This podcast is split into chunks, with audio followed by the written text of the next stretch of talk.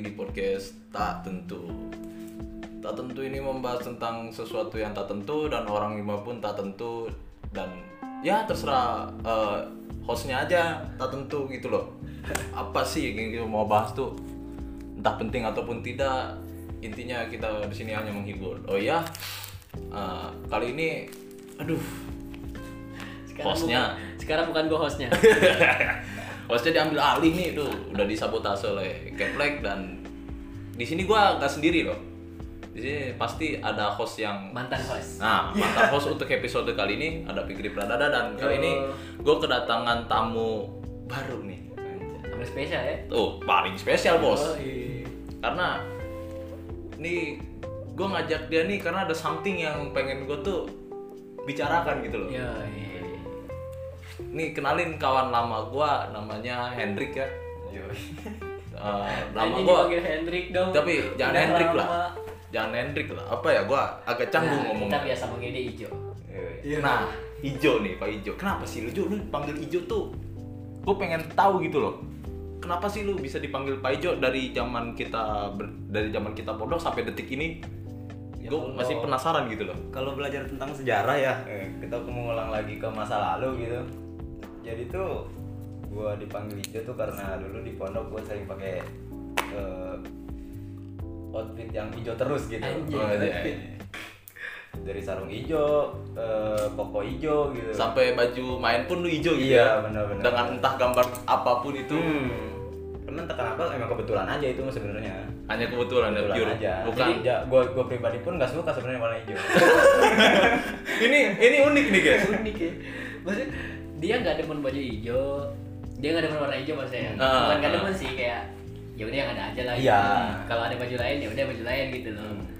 Ini sampai dipanggil hijau. karena gua tuh menurut gua kayak buat penampilan itu ya apa adanya aja gitu iya Punya- masuk itu punya ini ya pakai aja gitu Hmm. jadi nggak ada yang spesial untuk penampilan tuh nggak ada menurut tapi tapi masuk ke penampilan tuh gua ada something yang bikin gue tuh setuju dengan lu tuh gua. kenapa tuh ya penampilan tuh melambangkan diri lu sendiri terkadang seperti itu sih kalau bagi Ya. gua sebenarnya itu sih mindset banyak orang sih sebenarnya Ah. kayak penampilan itu mencerminkan eh, siapa lu gitu ya tapi terkadang gini loh ketika kita pakai baju bagus gitu gak ada satupun di jalan yang nyapa ketika kita pakai Ya. baju gembel gitu banyak yang kenal Makanya. mengapa dunia ini seperti itu Makanya gitu. karena menurut gua kayak sebagian orang itu akan melihat ketika ada perbedaan Wah, bener sih. Iya. di suatu lingkup itu ya Logik, logik. Jadi logik sih itu ada yang- setuju gua maksudnya ada yang yang normal-normal aja gitu Hmm. ya Biasa dianggap aja. biasa aja Biasa aja. gitu. Mm-mm. Anggapannya lu rapi, ya emang udah biasa rapi. Iya udah Iya. biasa rapi mungkin Orang-orang banyak makanya rapi balik kok. balik lagi kan kayak sebenarnya kayak fashion itu nentuin siapa lu gitu kalau lu biasa Ah. rapi lu pakai baju rapi ya itu udah biasa gitu Oh iya, seperti halnya gitu. Ketika misalkan kita mau berangkat kerja nih Hmm. di hari pertama, lu pakai baju hitam putih Hmm. Dan dengan biasanya lu pakai seragam hijau dengan hijau-hijauan lu itu orang mungkin nggak kenal meskipun gua ngeliat lu ngeliat lu sekalipun. ya Kadang ngeliat di jalan, ih siapa ya? Tapi ketika gua ngeliat hijau hijau hijau hijau, wah ini si Pak Ijo nih. benar benar benar benar. Masuk gitu kan? masuk akal masuk akal Terus kayak hari-hari sih gitu gua kayak gitu sih. Iya. Jadi gini, jadi si Pak Ijo ini sebenarnya orang dia pernah lu sekolah hukum atau gimana sih? gue baru ke tes Nah. hukum aja Nah, tes itu- hukum aja hukum. sih tes hukum Nah, gua denger-denger aja juga lu udah up lah dari yang kelam-kelam ini nanti kita akan bahas nih. iya ya Kayaknya seru juga nih untuk dibahas. Apa yang bikin lu tertarik tuh akan hukum, Cok? Eh, menurut gue kayak gue pribadi karena gue pernah nakal ya gue pernah maksudnya di dunia-dunia yang bener-bener enggak sewajarnya anak di usia itu gitu Hmm. Eh, rada melenceng iya gitu ya bisa dibilang kayak gitu Intinya keluar jalur lah. Nah, gimana caranya gue punya pemikiran waktu itu kayak untuk diri gue sendiri aja gue pengen bisa nyelamatin gue sendiri gitu Oh, Hmm, hmm, hmm. sebelum gue bisa nyelamatin orang gitu Ah. nah gue sadar karena menurut gue hal yang gue lakuin itu lebih sensitif ke akan hal-hal kriminal gitu hmm. makanya gue terjun ke dunia hukum Iya sih. Kayak tadi gue bilang itu kan hukum itu ketika lu tahu hukum ya minimal minimal banget lu bisa nyelamatin diri lu lah. iya Lu bisa iya. nyelamatin diri lu dan lu bisa bisa menghindari apa yang apa ya menghindari perseteruan mungkin bahasanya Nah, intinya intinya kita tuh bisa escape dari suatu permasalahan iya, itu. iya gitu. iya bisa escape dari problem yang ada kan Hmm. problem yang ada kayak misal eh, lu ngelakuin lu ketika lu tahu hukum di satu tempat ya terutama di negara hukum kayak contohnya di Indonesia sendiri deh Indonesia kan negara hukum gitu ketika lu tahu hukum-hukum yang ada di situ lu bisa selamat kalau kayak misalkan lu ngelakuin suatu pelanggaran atau hal-hal yang ya yang apa ya menyentuh sedikit tentang norma gitu benar ya kan kayak gitu makanya ketika lu bisa menyentuh sedikit tentang norma lu ngelakuin hal itu ya lu bisa ngelamatin diri lu sendiri minimal gitu. Iya. Iya. kayak kenapa lu ketika lu ditanya kenapa lu ngelakuin ini gitu lu dibawa ke meja hukum gitu tapi lu sendiri tahu hukumnya ya lu bisa aman Lu bisa aman. seenggaknya safe dah gitu Iya. Cuman bukan berarti lu lu lu tahu hukum lu bisa memainkan hukum dengan seenak lu. Nah, itu. menurut gua kayak itu sih pemahaman yang banyak orang salah sebenarnya Hmm. gitu. Jadi Hmm. eh, seolah-olah dia memanfaatkan hukum untuk bertindak sesuka dia Iya, gitu. iya. Menurut gua itu salah. Kayak karena lu tahu hukum, lu belajar peraturan, hidup lu Iya. bakal tertata gitu. oh benar-benar nah ini nih buat orang-orang manusia-manusia memang kadang seperti itu Iya. dia tahu nih wah gua misal ya eh jadi jadi life hack life hack anjing life life hack ya jadi life hack gitu ketika lu tahu hukum Hmm. lu tahu hukum kayak misalkan nyontek gak boleh Iya. Nah, tapi lihat buku boleh apa bedanya? Iya anjing apa bedanya Sedangkan di saat lagi dia dia itu lagi mainin ujian. dia mainin hukum jadinya Heeh. Karena menurut gua eh, mayoritas orang di Indonesia itu kalau dia belajar satu pemahaman itu tuh bukan bukan dijadikan sebuah pemahaman baru buat dia, cuman dijadikan tameng. tameng Mm-mm. wah bener Masuk masuk. Lebih ke situ sih Lebih ke sebenarnya. Eh, Karena pola pikirnya masih ya segitu-gitu aja gitu. Hmm. Sebenarnya kalau kita kulik lebih dalam sih kayak ya itu pemahaman lu biar hidup lu lebih tertata Tertata. lu tahu lu tahu aturan peraturan yang boleh dan nggak boleh gitu. Lu tahu Bukan. mana yang benar dan yang salah. Iya. Iya, jangan Bukan membenarkan yang salah. Heeh. iya bener bener Hmm. ya kan nah itu tuh tadi kan kalau hukum erat kaitannya sama pengacara ya Iya. erat kaitannya sama pengacara lu eh, setuju nggak sih sama statement eh, yang bilang kalau pengacara itu ngebela yang salah Menurut gue setuju. Karena yang gue pelajari output dari sebuah pendidikan itu rasa kemanusiaan. Hmm. Gitu. Kalau misalkan emang lu belajar hukum untuk membela yang salah, berarti lu udah pas banget itu. Hmm. Gitu. Jadi jangan semata-mata lu belajar hukum untuk lu mainin hukum biar lu dapat cuan ya, Hmm. gitu. Cuman gimana caranya lu sadar akan output pendidikan tapi itu ketika gini eh, lu ngebela maksud gue gini ketika orang orang ini mencuri bahasanya Iya. ketika orang ini mencuri terus lu jadi pengacaranya dia buat ngebelain dia Si orang pencuri itu. ini kan secara norma mencuri itu nggak boleh Iya. secara norma mencuri itu dilarang lah bahasanya nggak boleh gitu kan di di apa ya dilihat dari sudut pandang manusia eh, apa masyarakat gitu lah masyarakat Hmm. pada umumnya lu ngebela yang salah dong Iya. ya kan. Iya. itu gimana tuh Cuman ada pemahaman tersendiri tentang itu. Hmm. Menurut gua karena gua pernah belajar hukum dan gua tahu gitu. ya Sebenarnya kalau kita masuk ke pengadilan, yang salah pun dia punya hak untuk membenarkan. maksudnya Jadi kita kayak Jadi- kayak bisa mem- dia punya alasan tersendiri untuk bahwa dia tuh menyatakan bahwa bahwa dia tuh tidak bersalah gitu. Sebenarnya ada ada ada beberapa tingkatannya kalau misalkan untuk eh, eh, orang-orang yang terjerat hukum gitu, ada tersangka, terpidana dan terdakwa. hmm. Kalau misalkan dia masih tersangka, dia masih punya hak untuk membela Hmm. Walaupun buktinya jelas. Cuman di, dia diberi hak sepenuhnya untuk eh, pembelaan gitu. oh itu tersangka tersangka. Kalau misalkan eh, terdakwa barang bukti udah jelas, maksudnya dan si pengacaranya dia nggak bisa nggak bisa ngulik lagi lebih dalam gitu, itu udah mestinya kayak udah udah udah fatalnya udah finalnya di situ. Jadilah nantinya dia ke eh, terpidana. oh Hmm, Jadi selama dia masih tersangka dia punya hak untuk membela. oh Makanya ada namanya pengacara itu di eh, si orang yang salah ini. Hmm. dan masuk hukum eh dan masuk pengadilan itu lu wajib punya pengacara Oh gitu. Jadi buat pertama masuk itu masuk ke pengadilan itu lu disebutnya tersangka gitu. iya masih tersangka Masih tersangka. Hmm. Jadi lu masih boleh membela membela diri Hmm, bahasanya. iya. Meskipun ada barang bukti segala macam. Iya. Oh. ketika lu udah jadi terdakwa itu gimana udah nggak boleh bawa pengacara apa gimana boleh bawa pengacara. Kalau misalkan eh, prosesnya belum jelas lu salah atau enggaknya maksudnya lu bener-bener nggak bisa ngapa-ngapain lagi itu lu udah masuk ke tingkatan terdakwa. Oh. Jadi selama itu masih bisa diobrolin terus-terusan bisa didebatin gitu itu lu masih jatuhnya tersangka. Oh. Selagi itu masih bisa diperdebatkan. iya. Masih mencari hitungannya masih mencari. Mencari titik tengah lah, eh, di terangnya. Titik terang. ya nah kalau terpidana udah udah vonis hukum gitu. Mm-mm. oh.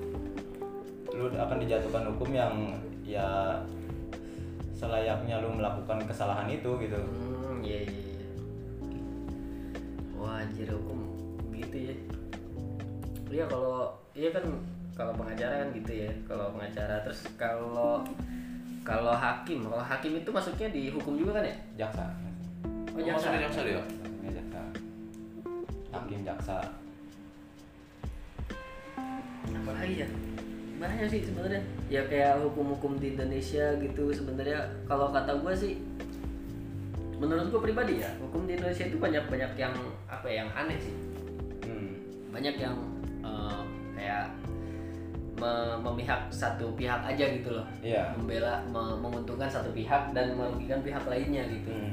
itu bener gak menurut lo menurut gua ya balik lagi ya omong gua yang tadi kayak manusia eh mayoritas orang Indonesia itu ketika dia belajar satu pemahaman itu akan menjadikan bukan bukan hanya apa ya bukan hanya pemahaman baru untuk dia ilmu baru buat dia cuman itu akan menjadikan tameng dan bahan cari cuan gitu Hanya untuk mencari cuan. iya karena Iya. dia terlalu terlalu mengedepankan bisnis di situ Hmm. dia melihat peluang bisnis Karena mungkin melihat yang di otak dia itu wah ini cuan nih bisa Iya. dibisnisin. Padahal kan kalau misalkan kita kulik ilmu apa pun gitu, semua semua semua pembelajaran ilmu itu output dari pembelajaran itu rasa kemanusiaan. Pasti. Dan bagi gue tuh rasa kemanusiaan itu penting sangat Jo. Iya, paling paling penting itu. Menurut gua kayak banyak kok di di di kita kayak banyak orang pinter cuman dia nggak nggak nggak punya rasa kemanusiaan yang kuat. gitu. Nah itu kayak gampangnya orang masuk ke hukum kenapa Dengan- banyak orang yang memainkan hukum di situ menjadikan itu ladang bisnis? Menurut gua kayak dia nggak dia nggak belajar benar-benar output dari sebuah pendidikan gitu. Mm-mm. iya sebenarnya inti dari pendidikan itu adalah ya kemanusiaan itu sendiri ya. Iya. Moral. Moralitas seseorang gitu. Benar sih. Belajar apa pun agama iya. terus hukum apa pun lah bahasa komunikasi segala macam sih. Ya intinya bagaimana caranya lu bisa bisa menjadi manusia lah. Hmm, bener how to make human being how to Human. be human being gitu Hmm, kan. iya. Karena mungkin banyak orang yang mikir oh gua gua sekolah tinggi tinggi bayar mahal gitu. Kenapa ketika gua lulus gua harus mengedepankan rasa kemanusiaan gitu? Iya karena manusia kan nggak nggak semua orang apa namanya ada juga kok orang yang nipu gitu. Iya ya itu tadi kembali ke masing-masing orang gitu. Hmm. kalau lu bisa jadi manusia yang memanusiakan orang lain ya lu bakal dimanusiakan oleh orang lain. Kan benar. Ya kan? Dimanusiakan oleh manusia lainnya. Itu masuk menurut gue kayak, kayak itu bener-bener hukum karma banget sih. Iya. Mm-mm. tapi lu percaya hukum karma gitu? Eh, karena gue pernah merasakan gitu ya dan gue sadar gitu. Heeh. jadi menurut gue kayak sakit hati lu hari ini itu cara lu untuk membayar karma lu di masa lalu oh anjay Ini masuk nih. gimana deh Gue setuju dalam perkataan itu Cok. setuju Setuju gue.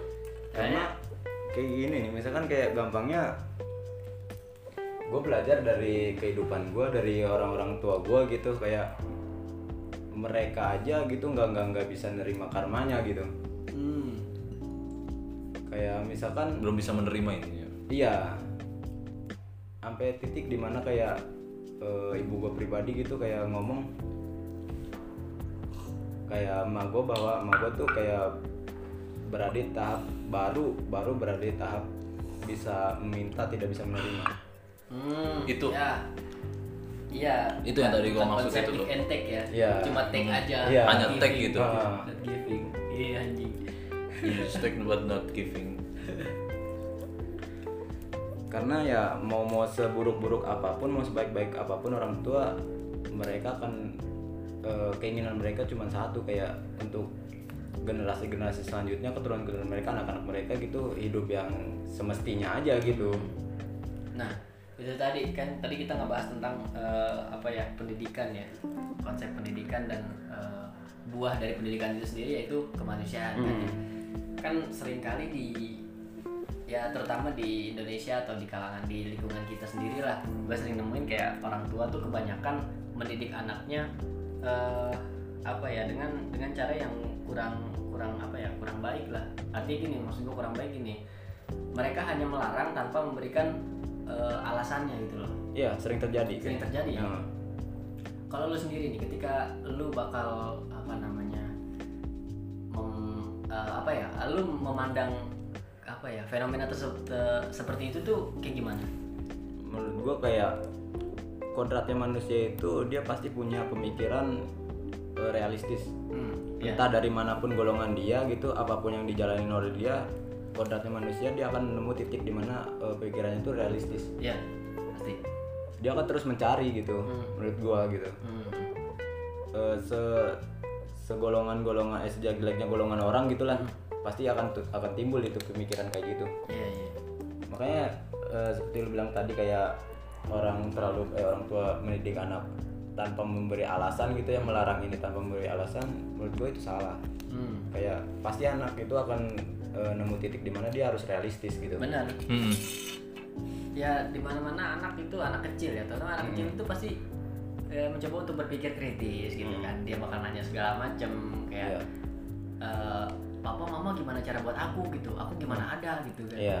ya emang nggak logis gitu. Pertanyaan kayak gitu tuh anak kecil namanya anak kecil ya Iya. namanya anak kecil pasti penasaran dong. Hmm. kok aku bisa ada di sini? gitu. Iya. ya kalau nggak dikasih alasan yang yang jelas dia dia bakal bakal inilah bakal apa namanya bakal penasaran gitu loh. Dia akan gimana ya bahasanya kayak dia ngeberontak akan pe- pemikirannya sendiri. Iya. Hmm. kalau nggak dikasih alasan yang jelas dia bakal bakal berontak dengan pikirannya sendiri dia penasaran dengan dengan hal itu terus dia cari-cari referensi yang salah kan. Karena dia nggak nemu jawabannya dari orang iya tua. itu.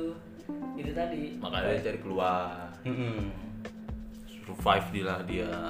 eh s- apa ya sangat disayangkan sih. Nah lu buat gue sendiri kan nganggap itu salah. Lu lu pernah pasti pernah kan ada di posisi kayak gitu kan? Pernah pernah banget. Dan lu gimana caranya buat apa ya buat nge buat keluar dari dari dari situ gitu loh? Oke gue gue pribadi pun orangnya kayak pengen terus-terusan nyari gitu loh. Sampai akhirnya kayak gue sering gitu jarang banget di rumah gitu gue nongkrong ke sana sini sana sini. Pemahaman paling kayak sensitif banget yang sampai sekarang gue ingat gue nggak boleh narkoba. Hmm. Karena gue nggak tahu alasannya narkoba itu nantinya bakal kayak apa gitu gue jadi berani nyoba gitu Hmm. karena gini setiap manusia punya punya punya transisi dalam kehidupan Hmm. ada fase-fase di mana kayak dia tuh harus eh, oh gua harus nyoba dong kayak gini Hmm. kalau gua mau nyoba gua gua nggak tahu dong rasanya apa gitu Saking penasaran. dan itu bener-bener banyak banget kejadian kayak gitu sebenarnya orang tua di mana pun nggak pernah ngajarin anaknya untuk berbuat eh, yang tidak sewajarnya gitu lah. buruk lah. Eh, cuman kenapa banyak orang yang banyak anak-anak di mana di mana kayak di fase-fase transisi dia dari gampangnya kayak puber lah. Kalau di kita mengenalnya puber. Dia berani untuk mencoba. Padahal dia nggak nggak nggak punya eh padahal dia punya eh, mindset yang ditanam dari kecil sama orang tuanya dia nggak boleh kayak gitu. Hmm. Karena orang tuanya mungkin ya mungkin kayak itu hal yang tabu untuk dikasih tahu gitu Iya, itu tadi. Itu tadi Indonesia itu terbanyak terlalu banyak hal tabu, hal tabu lah. Banyak banget, Cok. Terlalu banyak hal tabu Banyak banget. yang ya secara prinsip sebenarnya emang hal tabu tapi harus disampaikan gitu loh. iya Harus Contoh kecil disampaikan. sih kayak apa tuh namanya sex education. Iya. Itu penting. Bagi gua. penting banget loh. Ya emang penting. tapi itu hal-hal yang yang yang mustahil dikatakan oleh orang tua. Orang tua dong. Mustahil banget. mustahil banget. karena menurut menurut orang tua mindset orang tua bahwa anak itu belum belum cukup waktunya gitu. Umurnya belum belum belum cukup untuk ke situ. Untuk mempelajari hal itu. pernah nggak lu denger eh, statement mengatakan kayak lu mau sesukses apa pun lu mau sebesar apa pun di mata orang tua lu selalu anak kecil? Ya. Nah, masuk ini. benar. Jadi Benar mau sampai kapan orang tua menutup nutupi hal-hal yang kayak gitu gitu? Kalau emang ya ya wajar gitu. Gua gua mewajarkan statement yang itu. Emang bener di mata orang tua kita selalu anak kecil. Mm-mm. tapi pendidikannya maksud gua pendidikannya apa educationnya lu harus sesuaikan dengan usianya. Iya. Eh, lu boleh menganggap dia anak kecil terus sampai bahkan sampai ketika eh, apa namanya Udah. Udah berkeluarga pun lu boleh anggap dia sebagai anak kecil. Boleh. Cuman educationnya harus disesuaikan. Iya. Mm-mm. ketika dia udah masuk beranjak dewasa atau di umur SMP lah sekiranya dia udah perlu tahu tentang sex education ya lu ajarkan gitu. Mm-mm. kayak gitu. Eh, ya sangat sangat sangat disayangkan kalau bagi gua. Nah itu. Kan oh iya eh, hukum sendiri nih balik ke hukum ya. Hukum sendiri kan jarang orang yang apa ya seneng lah gitu di dibuat mempelajarinya gitu Iya. ya gua even gue pribadi yang Dan orang- gue juga sama. Iya, ya even gue pribadi yang yang emang eh, suka belajar, hobi belajar gitu, hobi pelajari hal-hal baru. Itu gue ke hukum tuh agak males sebenarnya. Hmm. Kalau lu kenapa? Ya kan tadi alasan lu tertarik ke dunia hukum kayak gitu ya. Hmm. Apa yang bikin lu senang belajar hukum?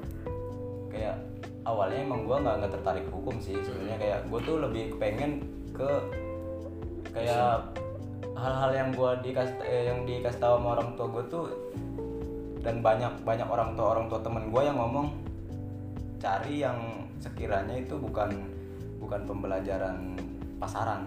Hmm, maksudnya ketika lu misalkan kayak hukum kan itu kan maksudnya ketika lu udah punya hukum eh, udah punya ijazah hukum pun lu akan menemukan bener-bener banyak banyak banget gitu. Kayak gampangnya saingan-saingan lu. Mm-mm. karena itu pembelajaran-pembelajaran pasaran gitu Hmm, hmm, gua pun punya pemikiran kayak gitu kayak gua harus nyari ilmu-ilmu yang bener-bener kepake banget gitu loh hmm, yang bener-bener lu banget lah.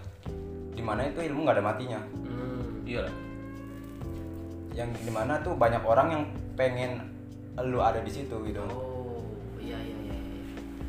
cuman karena gue belajar dari kehidupan gitu ya baik lagi kayak tadi gue ngomong kehidupan gue tuh bukan kehidupan yang kayak orang-orang biasa gitu Hmm, karena gue sadar gue nakal gitu gimana caranya kayak gue bisa ngangkat nih minimal untuk diri gue sendiri gitu.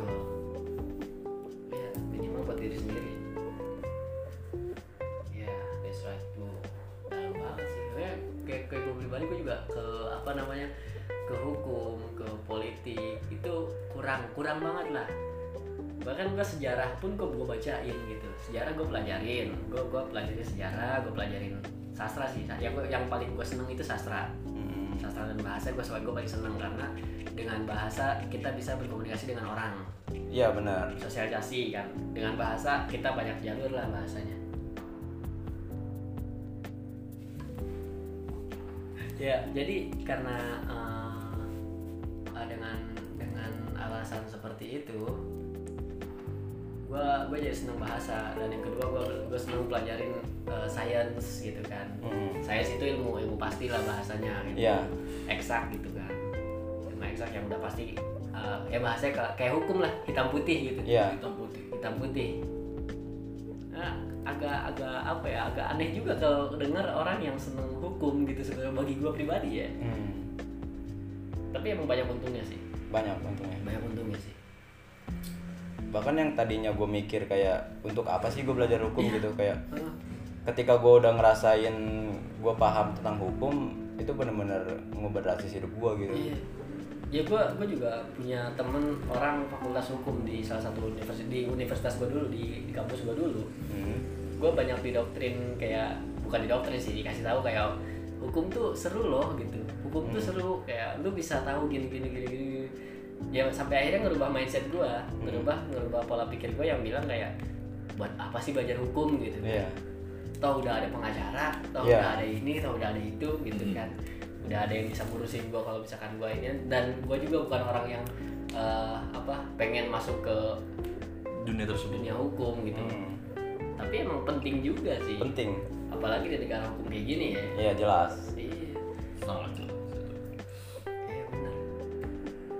Tapi kalau lu, lu kan waktu itu kan les eh, sam- les privat doang ya, les hukum doang ya. Iya. Lu bakal lanjut nggak ke eh, apa jenjang yang lebih tinggi gak?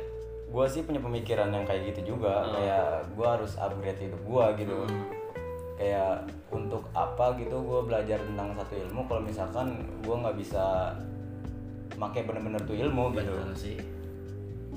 Karena gue pengen kayak apa yang gue kuasain, gue ada di bidang itu. Hmm. Simpulannya ya kayak tadi hukum itu kan penting ya. Penting hukum itu penting dan mendidik apa ya? Mendidik diri itu penting ya kan. Iya. Hmm. Dan eh, oh ya satu hal lagi gue pengen tanyain eh, apa apa ya sebutnya ya? Saran lu deh bahasa saran lu deh, saran lu kalau buat orang-orang yang eh, apa ya bahasanya bingung gua. Saran lu buat orang-orang yang eh, yang nakal deh, lu kan pernah hidup di nakal nih, Iya, gitu iya. kan? Eh jangan deh, itu buat nanti setelah ini fase yang apa Part 2 ya. Part dua ya. Jelas dong. part 2 itu buat pertanyaan part 2 nanti buat sekarang Ini masih pemanasan. ya buat sekarang lu kan lagi belajar hukum Hmm. Eh, saran lu buat eh, orang-orang yang lagi belajar hukum tuh apa kira-kira kan hukum kan eh, identik dengan hafalan Iya. Pasti. identik dengan hafalan dengan teori-teori gitu kan Hmm. dengan perdebatan kayak gitu Ya. nah lu saran lu buat ngadepin itu gitu buat ngadepin kayak hafalan itu kayak gimana sih Oh, buat Gua, gua, gua punya satu kunci sih. Eh, lu apa Cuman satu bagi gua. Nah. Kalau ketika lu sedang belajar hukum dan lu ingin non- apa tuh tadi barusan yang dulu kan? Ucap tuh Eh, menghafal iya. gitu sambil segala macam. Cuman santai sih. Iya. Santai. Lu merasa enjoy. itu juga sih kayak metode itu yang gue pakai sampai sekarang gitu. Oh, gitu. Nah, Heeh. karena menurut gua gimana lah, ketika lu menjalankan sesuatu bukan ikhlas ini ya, Hmm. Hmm. lu melakukan sesuatu tuh dengan sukarela, santai, pokoknya relax gitu loh. Apa pun pasti bakal bisa lu Tangkep gitu. tangkap dan lu cerna dengan baik gitu. Benar benar benar. Karena itu itu yang paling gue rasain sih. Hmm. Beda kayak gue tuh di sekolah tuh nilai gue paling paling anjol kan hitungannya lah gitu. Cuma Nah. ketika gue belajar hukum kenapa gue bisa gitu? Iya. Karena metodenya tuh diubah drastis di situ. Oh. Lu di di di di didik gimana caranya lu bisa Sesantai belajar mungkin. sesantai mungkin gitu. Karena di sekolah pun lu, lu tidak dapat hal seperti itu. Iya. Lu Mungkin kalau urusan buat nanti kita cerita sekolah kita bisa ke part 2 lah ya. Iya, iya. Jelas ini. Iya, iya. Yoi. Gue punya kayak punya cerita-cerita sendiri lah tentang sekolah mah gitu. Cara gue belajarnya gitu gimana. Kayaknya untuk part satu ini bagi gue cukup sih.